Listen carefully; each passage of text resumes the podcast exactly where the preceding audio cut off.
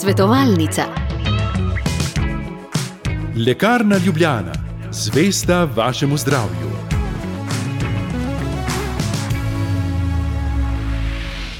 Prijazen pozdrav, dobro jutro, dobro dan. Z nami je magistrica Darja Barborič Vesel, socialna pedagoginja, učiteljica dodatne strokovne pomoči, dela pa v osnovni šoli kot svetovalna delavka. Prijazen pozdrav, dobro jutro. Dobro jutro tudi. Ali je že dobro dan, začenjate zgodaj? Začenjam zgodaj. Potem pa dobro dan. Dober dan, ja.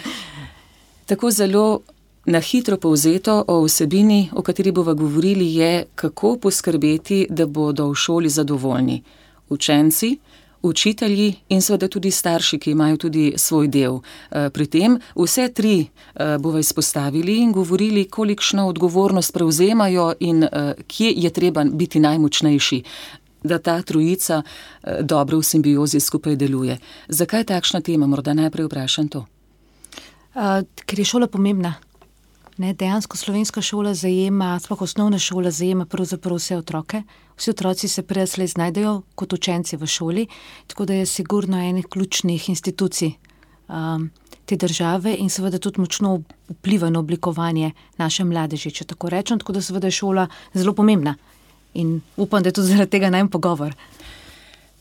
Nič ena, 512, 10, nič nič je telefonska številka. Bomo zelo veseli tudi vprašanj poslušalk in poslušalcev.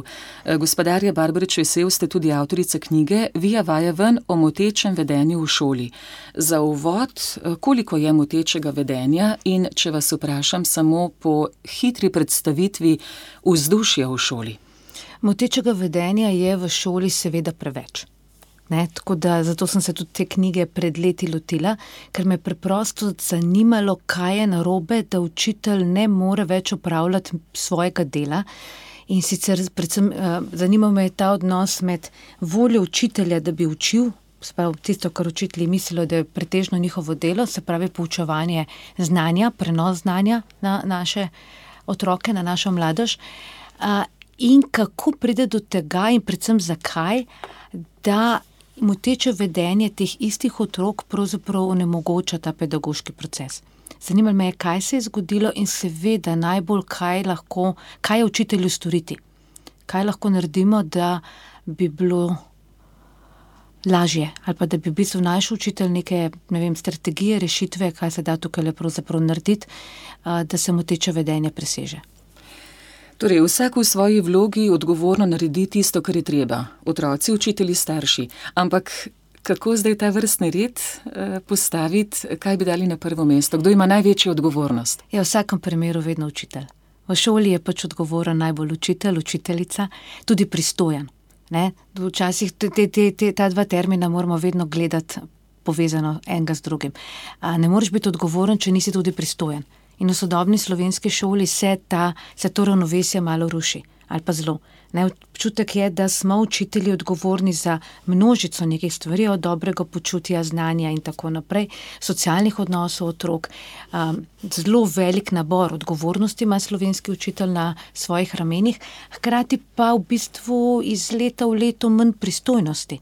Je pa videti, kot da učitelji ne vemo več marsikaj, kot da ne že ne znamo učiti, da nam morajo biti stvari zelo predpisane, zelo določene, zelo sistemizirane, zelo tudi zbirokratizirane. Tako da vse te stvari v bistvu ubijajo tudi pristojnost učiteljev in posledično šol. Ne, zadnja stvar, ki smo jo dobili v letošnjem letu, če damo na rekovaj darilo, je evidenca delovnega časa, ki je pravzaprav na nek način želitev za učitelje. Ne, se učitelji točno vemo, kdaj imamo za biti v šoli in koliko smo v šoli.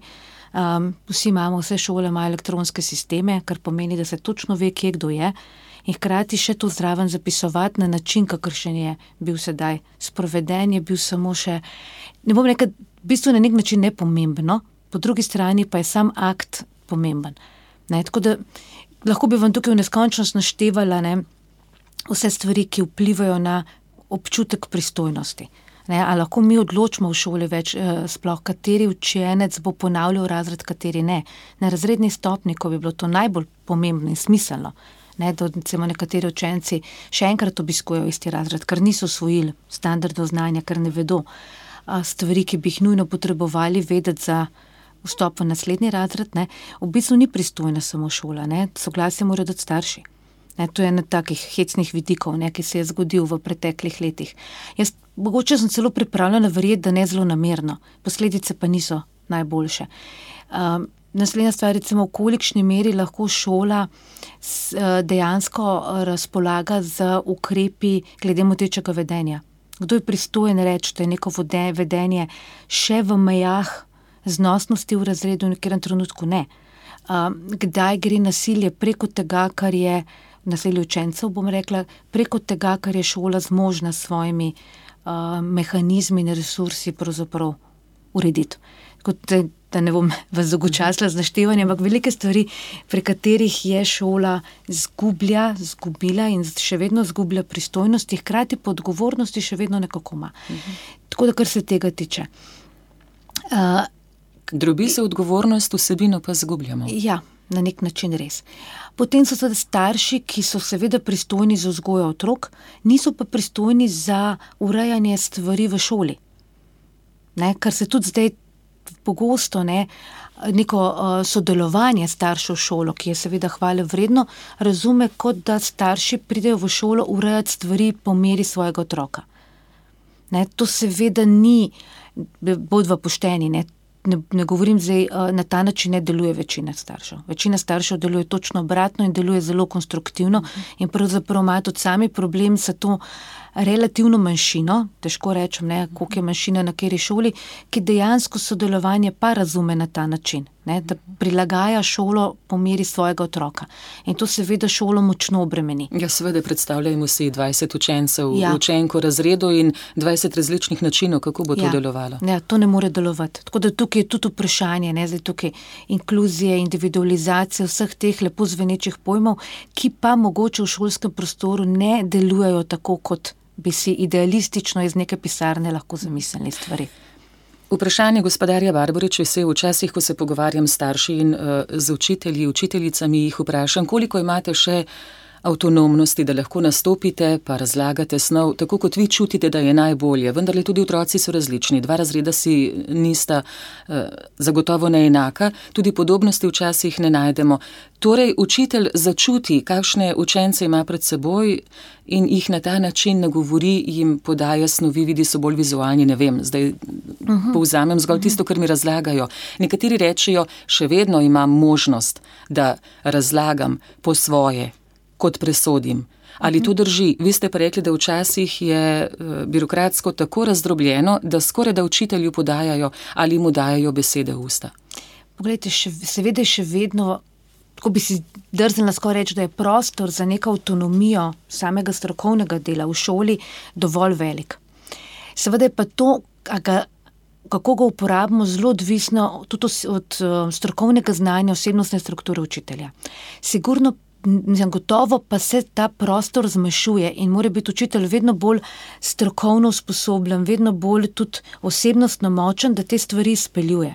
Ne? Tudi izkaže se, da učitelji, ki so že imeli določene probleme, večje, bom rekla, ali so starši z inšpekcijskimi nadzori in s podobnimi stvarmi, to, to neko avtonomijo, mnogi, ki so šli čez te stvari, potem nekako tudi to avtonomije, te avtonomije ne uporabljajo več na ta ja, način. Ja, da to pride do ja, živo. Ja, nekako se umikaš v svoj mhm. svet, da bi imel manj problemov, ker seveda te postopke sicer niso nujno zelo, kako bi rekla, kaznovalno usmerjeni ali pa ne naredijo hudih posledic, ljudje redko zgubijo službo.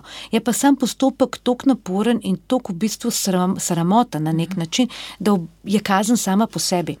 Tako da rekla, da v sodobni šoli slovenski, če želi učitelj res avtonomno strokovno delati, potrebuje biti v bistvu tistih, ki rečem, najvišjih nekaj procentov strokovnega, zmožnosti strokovnega kadra. Ne? In to je težko. Ne moreš z neko običajnim delom, z neko običajno strokovnostjo, pa že težko, v resnici. Moram biti pa tudi tukaj pošteni, da učitelji, ki sedaj prihajajo iz, iz eh, fakultet, iz univerze uh, in iz izobraževanj, um, imajo rahlo težavo ali pa večjo težavo z implementacijo, se pravi, udejanjanjem naučenega, ker tudi pouče, poučujejo jih v glavnem ljudje, ki sami niso bili v praksi. Kar pomeni, da je tudi njim težko, svojim izobraževalcem, težko predstaviti vsebine na način, kako bojo udejanjanja potem v razredu. Zdaj tukaj govorim predvsem o metodah in didaktiki. Ne, tako da tukaj imamo zelo veliko nekega znanja, tudi učitelji vidim, da sploh mladi učitelji ti ne štejejo, ne vem, kaj vse da vedo. Ta vprašanje, kako, pa pravzaprav na odgovor na kako morajo pa sami pogruntati v razredu, kjer pa ni pravzaprav več veliko prostora za eksperimentiranje, kaj gre, kaj ne gre, ker so dejansko starši zelo nadzorno naravnani, ne? učenci pa dost, tako nekaj v skupnem, dost naporni. Tako da moraš, ko prideš tja, že točno vedeti, kaj delaš in se znajti v vseh teh različnostih, tudi različnih razredih, kot ste omenila. Kaj bi učiteljem svetovali, če se danes pogovarjava, kako naj bi vsak odigral v svoji vlogi uh, svoj, svoj del odgovornosti, tudi prevzel to odgovornost? Uh, kakšni so nasveti za učitelje? Najprej bi rekla, da bi bilo nujno, da bi učitelji poznali zakonodajo, po kateri delajo. Velikrat se bolj bojijo, kot se je zabat, ker preprosto ne preberejo, ne poznajo pravilnikov, po katerih bi naj delali in zakonov, ki določajo delo v šoli. Po vaših izkušnjah se to ne razloži? Uh, mislim, da je tukaj vsak prestojen zase. Tudi tukaj ni vprašanje, to je stvar prepomembna, da bi ga dajali v roke ravnateljem, pristojnim, uh, ne vem, šolski za, uh, oblasti. Zakaj že? Ne, to je naša stvar, ki nas varuje. Se pravi, pravilnike moramo poznati, moramo vedeti, zakaj gre. Uh -huh. Druga stvar, ki bi jo rekla, dajmo se povezati med sabo. Dejansko učitelji imamo moč in možnost, da iz aktivov in izbornic naredimo točke moči, iz katerih izhajamo. Ne, da se pogovorimo o izkušnjah, poiščemo skupne rešitve, stojimo drug za drugim in tako naprej. To se mi zdi ključno. Ja, tukaj ne, se organiziramo intervizijske skupine, ne, uh, najdemo izobraževanja, ki jih targetirano, ne, usmerjeno želimo imeti. Ne. In kadar ne, ne gre, nam bojo najbližji kolegi največja opora. Tako da tukaj te dve stvari bi zaenkrat rekla. Uh -huh. In tretja stvar, dajmo odrast, tudi mi. Ne, naše področje dela, dela z ljudmi, delo z otroki, um, je podvrženo tem stalnemu konfliktnemu odnosu. Odnos, že kot ste rekla, ta triada, učitelj, starš, otrok je sam po sebi konflikten. Ne? Mi seveda bi želeli imeti ravnotežje, ampak seveda ni. Otrok pride v šolo načeloma, kar mora. Mi želimo, da se uči, ampak oni bi se raje igrali ali pa bi se družili med sabo. Ne. Starši bi želeli, da bi bilo otrokom v šoli luštan, se veste, ker zjutraj pridem pa gledaj gledam. Ne. Večina staršev reče otrokom, zjutraj fajn sem mej, ne pa pridem bot. Ne. In seveda. Ali otrok, kaj se nauči? Ja, ja, ali pa kaj se nauči. Otrok se pač potem drži na vodila staršev, bi se imel fajn. Ne, tvo, odnos je sam po sebi konflikten, kar ni nič slabega. Nič ni narobe s konfliktom, sam po sebi. Problem je, da teh konfliktov ne znamo pravilno nasloviti, pa jih rešiti kot odrasli ljudje. Se pravi, predvsem na diadi, uh, učitelj, starš, mi smo odrasli, otrok še ni. In mi smo odgovorni, da te odnosi funkcionirajo v dobrobit otroka, ker na koncu koncu in družina in šola sta namenjeni dobrobiti otroka, kar pa seveda ni to, da je otroku udobno ne, in fino in fajn, in tako kot si otrok zamislil, ampak tako kot bo otroku res dobro v smislu neke vzgoje, nadaljne osebnostne rasti, izobraževanja. Delovne navade. Uh, gospodarja Barbarič vesel, preden se premakneva naprej, ja. imava še uh, nekaj minut, da razloživa o odgovornosti otroka in potem tudi staršev. Uh, mogoče vas vprašam samo še pri učiteljih spodbuda, da bi ostali, kjer so, kjer so zelo dragoceni, ker potrebujemo dobre učiteljice, dobre učitelje um, ko bo težko, na kaj naj pomislijo. Zelo dobro ste rekli, uh, poznati zakonodajo, ker so bolj zaščiteni, kot večina misli, da je. Kar se tiče delovne zakonodaje, ja, kar se tiče pa nekih odnosnih stvari, pa v bistvu ne. Imajo pa potem takšne, kot ste vi, svetovalne uh, delavke, ki, ki lahko smo v pomoč, ali pa tudi ne. ne bodimo pošteni. Ne, tudi, um, jaz sebe vidim kot zelo dobronamernega človeka, pa se ne bi slepila, da bi vsi, da vsi kolegi v mojem kolektivu nek stik z mano vidijo kot rešitev ali pa vse neko oporo pri težavah, do katerih pride. Kaj pa vloga ravnateljev, ravnateljic, uh, da oni podprejo svoj kolektiv? Uh, vloga ravnateljev in ravnateljic je, da podprejo kolektiv in da hkrati tudi um, spodbudijo kolektiv, da dela tako, kot bi bilo primerno. Ne, tako da tudi ravnatelji in ravnateljice imajo podoben problem kot učitelji. Veste, to je v bistvu delovno mesto, ki je podvrženo velikemu stresu, množici konfliktov, hkrati pa relativno mehni pristojnosti in nizki nagradi, če govorimo o finančnih uh, v, v, o finančnih spodbudah, kar je enako pri učiteljevanju. Ne, zdaj, ko pač greš v, v družbi do razvrednotenja nekega določenega poklica, kar se je učiteljstvu, kot mnogim drugim poklicem, tudi zgodilo. Izpostavlja pa osnovno šolo. Govori o osnovni ja. šoli. Ne, je pač posledica tudi ta, ki se do, zdaj na veliko dogaja, da učitelji pač odhajajo iz šole, predvsem pa, da mladi ne prihajajo več v šolo. Ne. Manj mladih učiteljev dobivamo in to se seveda pozna. Tako da tukaj. Pa da še kakšno besedo, no, da rečem na uh, račun odgovornosti tudi otrok. O, absolutno, ja. in tudi staršev. In staršev. Uh, morda preden uh mhm. -huh. res izpostaviva ti dve področji, nič ena, 512, 10, nič nič je telefonska številka, lahko pokličajo poslušalke in poslušalci, bomo uh, hvaležni za konkretno vprašanje. Uh, Eh, dobro, potem pa uh, otroci. Pravite, da prihajajo potem, ko zapuščajo osnovno šolo in se odločajo naprej za poklicna izobraževanja ali pa morda gimnazijske programe. Uh, prihajajo iz vseh koncev Slovenije v isti razred učenci s istimi ali podobnimi ocenami, ampak znanje je pa lahko zelo različno. Seda, to je pač posledica sedanjega sistema. Ne tudi eden, po mojem mnenju, no, skromnem osebnem mnenju, ena od uh, en ovir ali pa nekih cokl tega sistema in sicer sistem točk ali ocen, ne, ki, ki so v tem trenutku na nivoju prehoda iz osnovne v srednjo šolo, pravzaprav bolj kot ne edini razločevalec, kdo bo kam šel, pa kdo ne. ne in seveda je tukaj zelo ključno, ne, kateri standard znanja pritiče neki določeni oceni. Ne, in seveda tudi to, kar včasih idealistično rečemo, pa naj se otroci ne učijo za ocene, naj bo znanje samo po sebi pomembno. Super je to slišati, samo dejanj tega nismo. Ne, v tem trenutku so ocene ključne. Ne, tako da to bi bila tudi ena od stvari za razmisliti. Če že res želimo spodbujati znanje, povezljivo znanje, uporabo znanja, zmožnost reševanja problem, problemov, ne tudi miselnih in takšnih in logičnih in tudi čist praktičnih, potem ne more biti ocena edini kriterij za prehod naprej. Tako da jaz bi se vrnila nazaj. Ampak trenutno pa so. Trenutno je to tako. Trenutno je to tako. Zato vsi lovijo točke. Ocene, in... ja, zato so ocene tako pomembne in zato je v bistvu, če tako grdo rečem, zdaj ne, Biblija učitelja pravilnika ocenjevanju. Ne, in največji jabolko in sporov ne, med učitelji in starši so seveda ocene. Ne, čeprav bi učitelji pogosto radi naslovili še druge stvari. Ne, in bi tudi, ko vidim, vidim delo učiteljev, se jim zdi smiselno, da ocenjujejo tudi kontekst. Ne, ne samo strogo pisno oceno, ampak tukaj je problem in pravilnika, ki ga je treba upoštevati, hkrati na kakšen način je, postav, je šolska oblast postavila pravilnik. Ne.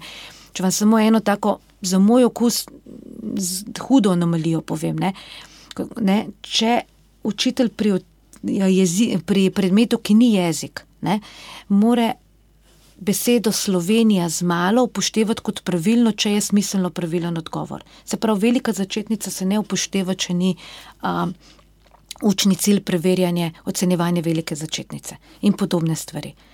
Sveda to vpliva na to, a se Slovenija, ne, jaz smo še vedno rekli, da Slovenija z malo ni nič, ne, tako kot da Darja z malo ni ime.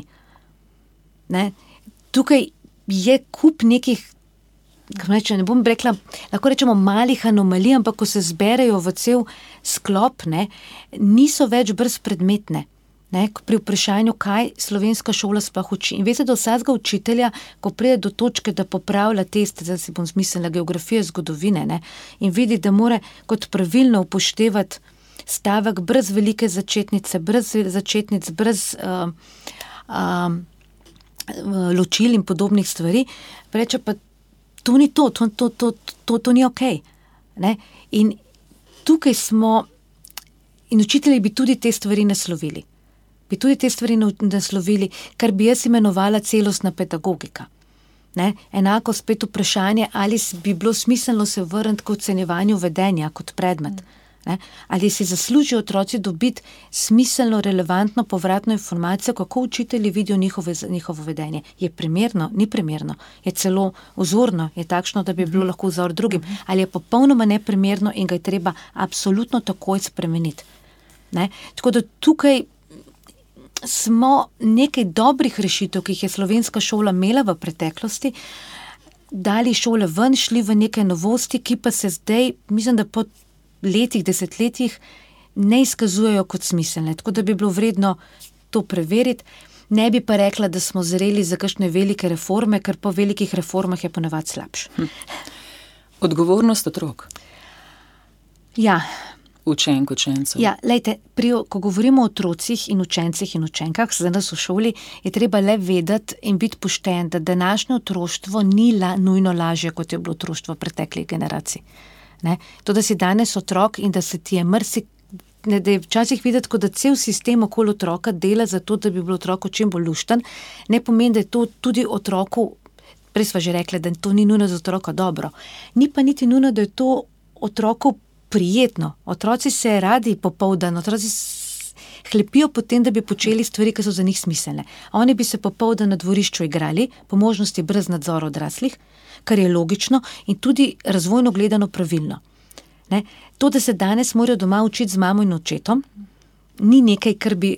Otroci pravzaprav tudi želeli. Tukaj sem to hočem reči, ja, da naš razmišlja. Je... Morda otroku res ni povšeči, da je vse čas pod lupo. Ne, Ne, ja. ne, in da se tudi toliko skrbi za otroke. Moramo le vedeti, ne, da otrok, vzgoj otroka poteka pretežno po dveh mehanizmih, ki sta antropološko, zgodovinsko, če tako rečem, biološko jasna. In to je zgled, to, da otroci gledajo, kaj se dogaja okoli njih in preizkušajo tisto, kar so videli, in izkušnja. Otroci morajo pridobiti izkušnje od tega, da jim mi razlagamo, kaj se bo zgodilo, še se še noben otrok ni naučil živeti. Ne mogoče to primerno za lomke ne, za življenje pa ne. Tako da to je prva stvar, ki jo moram reči. Da sodobni otroci živijo pogosto, ne vsi, uh, mnogi pa relativno revno, če tako rečemo, otroško življenje. Malo kontakta z različnimi ljudmi. Ste veliko otrok v vrtec, šola, potem pa domača situacija.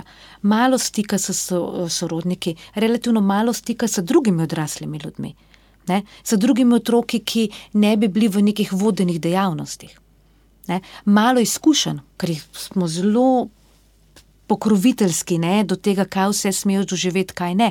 In je izkušen relativno malo. Tako da je na nek način, tako v narekovaj, bom dala malo revnejši svet, čeprav ima množico informacij nekega dogajanja. To je prva stvar. In druga stvar pa ta misel, ki ne vem, kako točno je do nje prišlo, da je obremenitev za otroka nekaj slabega. Se pravi, če otrok ne bi šil barvic, potem bolj jih ne šil. Ker to za otroka ni dobro, da se matra šiljenje barvic. Sploh na začetku šiljenje barvic ne gre večini otrok prav dobro, je kar tečno. Zapomni si, kje copati so tvoji, če zgrem na prve razrede. Um, Obrisati si ritko, če tega nočeš. Umiti roke na vecejo, čeprav so tvoje drugi sošolci, ki ste bili skupaj na VC-ju, že šli. Ti pa še vedno tam roke pereš, ker si pač malo počasen. To so same stvari, ki so za otroke kar naporne. Ne? Da ne omenim tega, da bi v petem razredu pri šolski uri matematike dejansko poslušal matematiko, če lahko klepetaš s sošolko o stvarih, ki so mnogo bolj zanimive kot recimo ulomki ali kaj podobnega. To so vse stvari, ki so za otroke kar zahtevne in če jih mi ne podpremo pri tem, da ja, so zahtevne, jih je pa treba narediti in jih ne naučimo. Da to, da je nekaj težko, ne pomeni, da ne bo narejeno, potem rata svet za njih obupno bojno polje hudega, ker je vse težko. Ne? Tako da tukaj bi res uspodbudila k temu, da kar vemo, in tukaj pa smo učitelji dobri, ne? vemo, kaj razvojno gledano otroci zmorejo, in bi bilo smiselno tukaj učitelje slišati. Ker tudi otrok, da rečemo, ja, pri teh letih bi pa že lahko, to ne pomeni, da bo pri teh letih to znal otrok, ampak da se pa lahko nauči. Tako kot pri treh letih lahko svoje kocke pospravi, tako lahko po drugem razredu napiše svojo domačo nalogo. In to ne tako, da jo mama piše skupaj z njim vsak stavek. To, da mama sodeluje pri tem, pomeni, da mama ali pa oče, no starš, ne, pač reče, zdaj pa delaš domačo nalogo in potem preveri, kaj je narejeno. Narediti mora otrok. Ne. Še enkrat razložiti vse stvari doma, šolske stvari, ni smiselno, s tem se jemlje otroku odgovornost poslušanja v šoli. Noben otrok preko izkušnje ni tako nor, da bi v šoli poslušal, če ve, da mu bo doma še enkrat individualno njej ali njemu razloženo. In se spet vzelo otroku odgovornost. Nositi torbice v šolo. Veste, stvene so mnoge torbe težke, mnoge so pretežke. Včasih je treba pa pogledati, kaj vse je noter, ker veliko je noter mrsikaj, ker šola ni nikoli rekla, da mora noter biti, če smo čisto pošteni. Dajmo jih sprazniti. Pa jo ne ne se pa otroci sami od avta do, ne, od avta do šole, do učilnice. Veste, kako krat vidim tretje šolce, ki so mičken manjši od mene, no, če sem čisto poštena, ampak torbico prenese pa mama ali pa oče. To se govorim o takih čist drobnih stvarih, ki pa že kažejo na nek način, kaj lahko otrok prevzame. Tudi ko pride do problema, kaj boš pa zdaj naredil, ne pa kaj bomo naredili. Velikokrat slišimo starše, ki rečejo, danes pišemo test. Ga ne, otrok piše test, starš ga pač ne, smo delali cel popoldan domače naloge. Ja, dajmo starše početi popoldan stvari staršev, otroci ne počnejo svoje stvari. Domačih nalog, to si drznem reči, kar delam v šoli, ni za ne vem, kako dela. Če pride parkrat na leto, da je domačih nalog res velik. A, lahko se pa nabere, lahko pa je otrok noče delati. Pa ena stran matematike se da dela tri ure. Mhm. Pa ne zato, ker je tista matematika tako velika, pa ker je to grozno, ampak ker je nek upor. Mhm. In tukaj je vprašanje odgovornosti otroka, sploh učenca, pa ne ne naredi, pa da vidimo, kaj bo ratal. Ne? Pogosto, ravno včeraj sem poslušala intervju z eno od znanih slovenk, nekaj let nazaj je postala mamica otroke, zdaj je v osnovni šoli in pravi, na novo se učim slovenskega jezika, matematičnih izračunov, pa sem se ravno to vprašala, kako, zakaj se je treba njej na novo učiti. Torej, ta opetost, dokot, do kolikšne ja. mere, no, morda ja. še ta, to pojasnilo. Lejte, super je, če se starši zanimajo za šolo, če pogledajo, kaj se dogaja, ne, kaj otroci jem, kaj jemljajo v šoli, kaj se otroci učijo. In če to pomeni, da še enkrat ponovimo vse stvari, ker pogledamo zvezke, pa tako naprej se pogovarjamo z otrokom, kaj si se pa danes naučil, kaj je bilo danes zanimivega, kaj danes več veš. To so super stvari, s katerimi mislim, da starši krasno spodbujajo otroke k šoli. Da pa mi delamo še šolo, še enkrat z njimi in pa s tem jemljemo odgovornost za njihovo mi šolo. Mi se učimo, da jim lahko razložimo, ja. ampak oni imajo to že v, v šoli in otrok se mora učiti te odgovornosti, ja. da posluša tam. Ja. A veste, kaj je tudi s tem, tako, točno tako, kot ste rekla, hkrati pa s tem tudi vzamemo možnost, da so oni nekaj naredili. Veste, če se ne petošolec, šestošolec nauči za matematiko, seveda ob spodbudi lahko jim pomoči, ampak še vedno se je ona ali on naučil, je tista ocena, ki jo dubu njegova ali njena. Če ne je pa od staršev. Ja. Jaz sem se naučila za petico, ne moja hči. Zdaj bi kakšen, ki naj jo posluša, dejal, ja, ampak če otrok ne zna, kaj pa naj? Potem pač ne zna. Treba je videti, kaj, se, kaj je vprašanje, eh, postaviti vprašanje, kaj se dogaja, da otrok ne zna prva stvar. Torej, mu dovolite, da dobi tudi negativno oziroma slabšo oceno, in če se otrok ob tem zamisli. Eh, Lejte, v nekem trenutku reka sem izkušnja oči. Ne? Če pač, veste, otrok bo težko vedel, koliko učenja potrebuje za neko znanje. In se bo zgodilo to, da bo narobe ocenil, da se bo naučil premalo, pa bo dobil slabo oceno. Za nekoga bo katastrofa, skoraj že tri, za drugi drug bo dobil negativno. Seveda bo lahko to pomenilo različne stvari, da čist pade motivacija za učenje. Za nekatere bo spodbuden, tukaj bomo starši imeli pedagoški izziv in tudi učitelji bomo imeli pedagoški izziv. Kaj z otrokom, ki enostavno se noče več učiti?